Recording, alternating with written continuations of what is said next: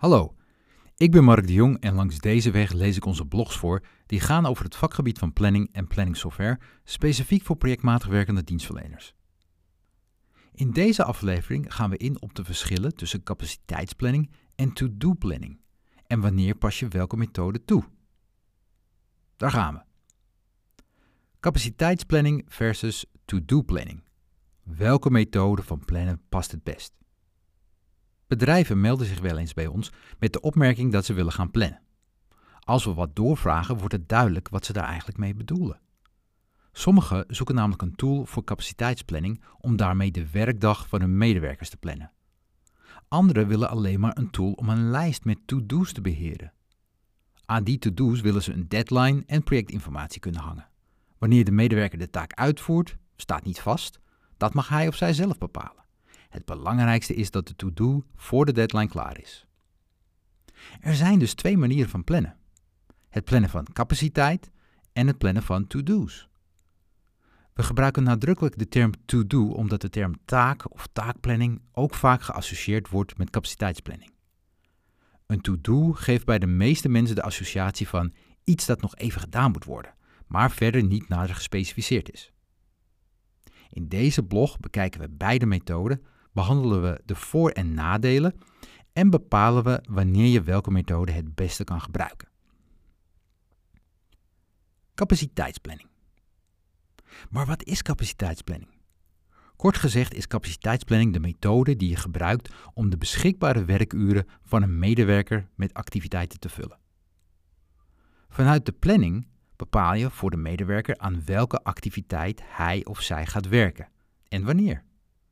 Met capaciteitsplanning probeer je de bezetting van een medewerker zo vorm te geven dat hij of zij zoveel mogelijk declarabele of facturabele uren voor de organisatie kan draaien. De voordelen van capaciteitsplanning.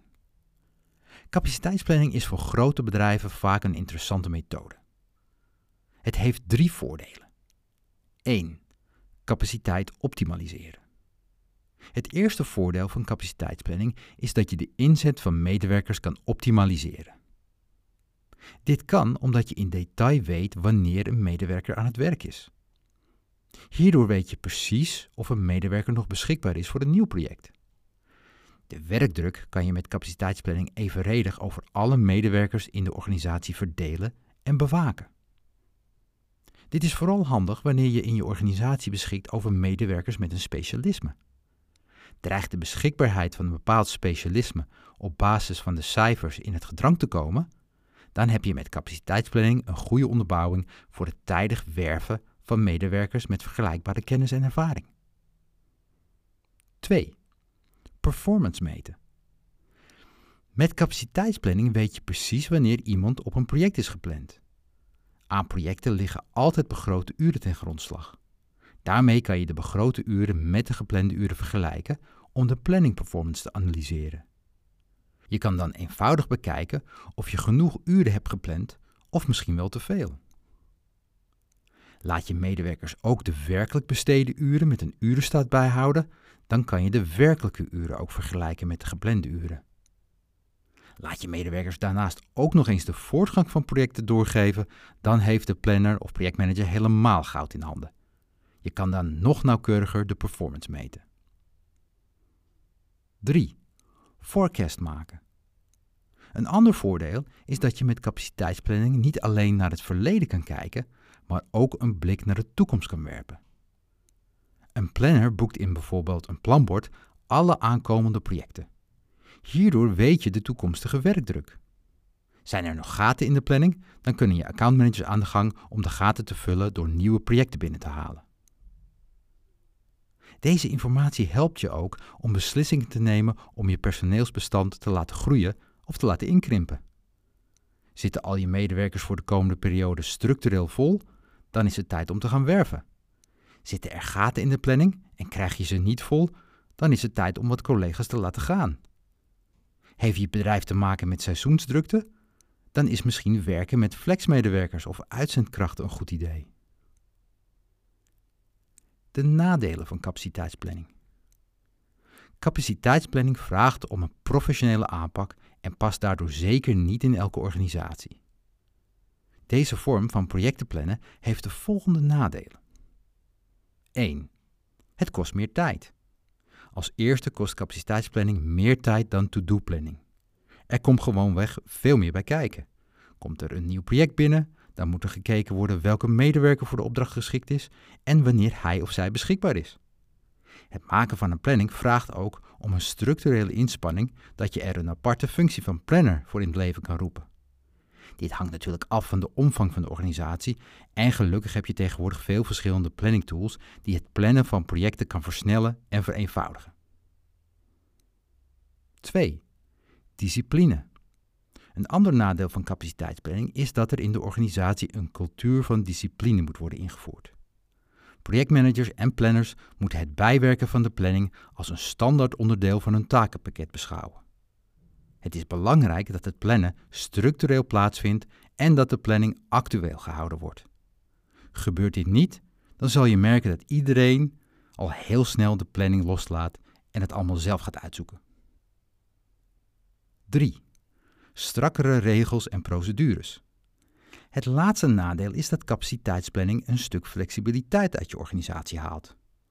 Om de volle kracht van deze manier van projectenplannen te kunnen benutten, moet de organisatie zich houden aan de opgestelde regels en procedures. Heb je afgesproken dat projectmanagers niet zelf medewerkers plannen, maar alleen aanvragen kunnen indienen bij een centrale planner? Dan moet deze afspraak ook bewaakt worden. Dat kan voor projectmanagers als contraproductief worden ervaren, want die willen zo snel mogelijk de beste persoon op hun project inzetten. Wanneer is capaciteitsplanning handig? In de blog Vier Stadia van Resource Planning beschrijven we, zoals de titel al zegt, de vier stadia waar resource planning zich in kan bevinden. Capaciteitsplanning is geschikt voor grotere organisaties die zich in stadia 3 en 4 bevinden. Maar het begint al te spelen wanneer je bedrijf in fase 2 zit. Capaciteitsplanning is geschikt voor organisaties waar een centrale aanpak is om de vraag uit projecten te matchen met het aanbod van resources. Dat is bijvoorbeeld wanneer er een planner is die resource aanvragen van projectmanagers in behandeling neemt. Capaciteitsplanning is zeker te overwegen wanneer je organisatie met gespecialiseerde medewerkers werkt en de duur van activiteiten goed van tevoren is in te schatten. Capaciteitsplanning is vooral van toepassing in situaties met vaste medewerkers. Je wilt immers hun werkbare uren zo optimaal mogelijk invullen. Als je met freelancers werkt, die werken op basis van een vaste prijs, dan zal het optimaliseren van hun werkbare uren totaal niet interessant zijn. To-do planning. Wat is to-do planning? To-do planning verschilt op meerdere vlakken flink van capaciteitsplanning. Met deze methode stel je een taak op en bepaal je een deadline. Wanneer de medewerker de taak uitvoert, bepaalt hij of zij zelf. Het uiteindelijke doel is dat de taak wordt uitgevoerd voordat de deadline verstreken is. De voordelen van to-do-planning. To-do-planning is vaak laagdrempelig en heeft de volgende drie voordelen. 1. Makkelijk projecten organiseren. Anders dan bij capaciteitsplanning zijn projecten bij to-do-planning eenvoudig en sneller te organiseren. Een klant komt met een nieuw project Samen met een medewerker wordt er een deadline vastgesteld. Het project wordt aan een collega overgedragen en het is klaar om uitgevoerd te worden. Er is vanuit een planner geen centrale aansturing.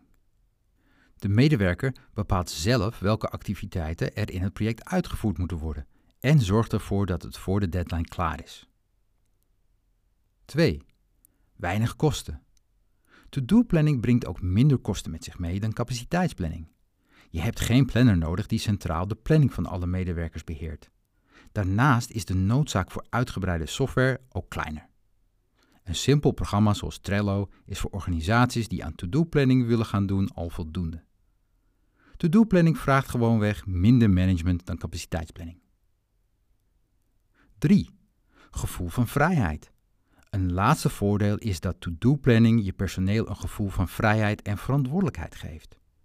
De strakke regels en procedures waarmee je capaciteitsplanning in je organisatie opzet, zijn bij to-do-planning niet aanwezig. Dit maakt deze methode een stuk flexibeler en vrijer voor je medewerkers. Zij moeten het project zelf dragen en op eigen manier uitvoeren.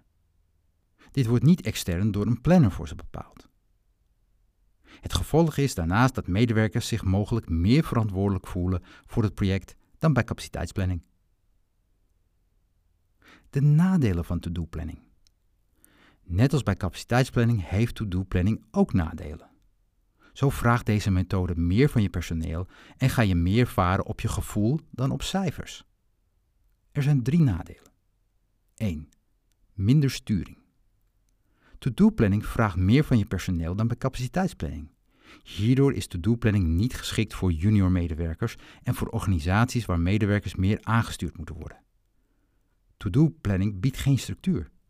Er is een project en dat moet zelfstandig voor de deadline uitgevoerd zijn. Niet iedereen heeft het vermogen om dit goed in te schatten. 2. Geen exact beeld. Een ander nadeel van to-do-planning is dat er geen duidelijk beeld is van de werkdruk. Anders dan bij capaciteitsplanning worden er bij to-do-planning niet van tevoren uren gepland op medewerkers. Medewerkers krijgen een to-do en die moeten ze uitvoeren. De omvang van een to-do is van tevoren niet bekend en kan dus variëren van een klant bellen tot iets uitvoerig en langdurig onderzoeken. De hoeveelheid to-do's betekent dus niet automatisch dat een medewerker druk is of weinig te doen heeft. 3. Geen cijfers om te meten. Anders dan bij capaciteitsplanning biedt to-do-planning geen harde cijfers die kunnen bijdragen aan het lerende vermogen van je organisatie. Er zijn geen begrote uren, geplande uren of werkelijk besteden uren die geregistreerd worden. Hierdoor heb je als organisatie niet de mogelijkheid om van fouten te leren en inefficiënties te optimaliseren. Met to-do-planning werk je op je gevoel en niet op basis van cijfers. Wanneer is to-do-planning handig? To-do-planning is voor andere organisaties handig dan bij capaciteitsplanning. Kleine organisaties en zelfstandige ondernemers halen meer voordeel uit to-do-planning. Dit formaat bedrijven bevinden zich over het algemeen in de eerste fase van resource planning, zoals beschreven in de eerder genoemde blog. To-do-planning past ook beter bij organisaties waar er een decentrale verantwoordelijkheid is voor de uitvoering van projecten. Een vereiste voor deze methode van projecten plannen is dat je medewerkers zelfstandig kunnen werken. Heb je veel specialisten in dienst, dan past capaciteitsplanning beter. To-do-planning floreert meer bij allround medewerkers omdat projecten niet centraal aan medewerkers gekoppeld worden. Hoe lang een taak duurt is van tevoren niet goed in te schatten. Hierdoor is de capaciteit en bezetting van een medewerker niet te controleren. Het kan dus voorkomen dat er meer tijd aan een project besteed moet worden dan dat een medewerker volgens zijn contract aan uren beschikbaar heeft. Overwerken moet in je organisatie dan geen probleem zijn. Conclusie. Welke methode van plannen je kiest is van verschillende factoren afhankelijk, zoals de omvang van je organisatie, de volwassenheid waarmee projecten aangepakt worden en de mate waarin medewerkers zelfstandig aan projecten werken. Er is geen harde scheiding tussen to-do-planning en capaciteitsplanning. Je kan uiteindelijk van de ene naar de andere methode groeien. Een mix van capaciteitsplanning en to-do-planning is ook mogelijk. Sommige uit te voeren activiteiten kunnen zo kort zijn dat je anders te fijnmazig gaat plannen. Een administratiekantoor dat de salarisadministratie van tientallen klanten verzorgt, zal niet elke salarisrun van 10 minuten gaan plannen, maar plant bijvoorbeeld een blok van 4 uur om daarin alle salarisruns te draaien. Met behulp van to-do's bepaal je voor de salarisadministrateur dan de verschillende salarisruns om te controleren dat ook werkelijk alle klanten bediend worden. De belangrijkste factor in het kiezen voor een planningsmethode is de omvang van je organisatie. Kleinere organisaties hebben niets aan capaciteitsplanning. Vandaar dat we bij Timeworks een minimale afname van 5 licenties hebben. Bij kleine organisaties werken vaak allrounders, waardoor het niet uitmaakt wie het project uitvoert. Het enige dat belangrijk is, is dat het project met voldoende kwaliteit en voor de deadline wordt afgerond. Dat ze daarbij overwerken is minder relevant om te beheersen. Bedankt voor het luisteren. Ben je geïnteresseerd in meer? Ga dan naar www.timex.nl/blog om je gratis te abonneren. Tot de volgende.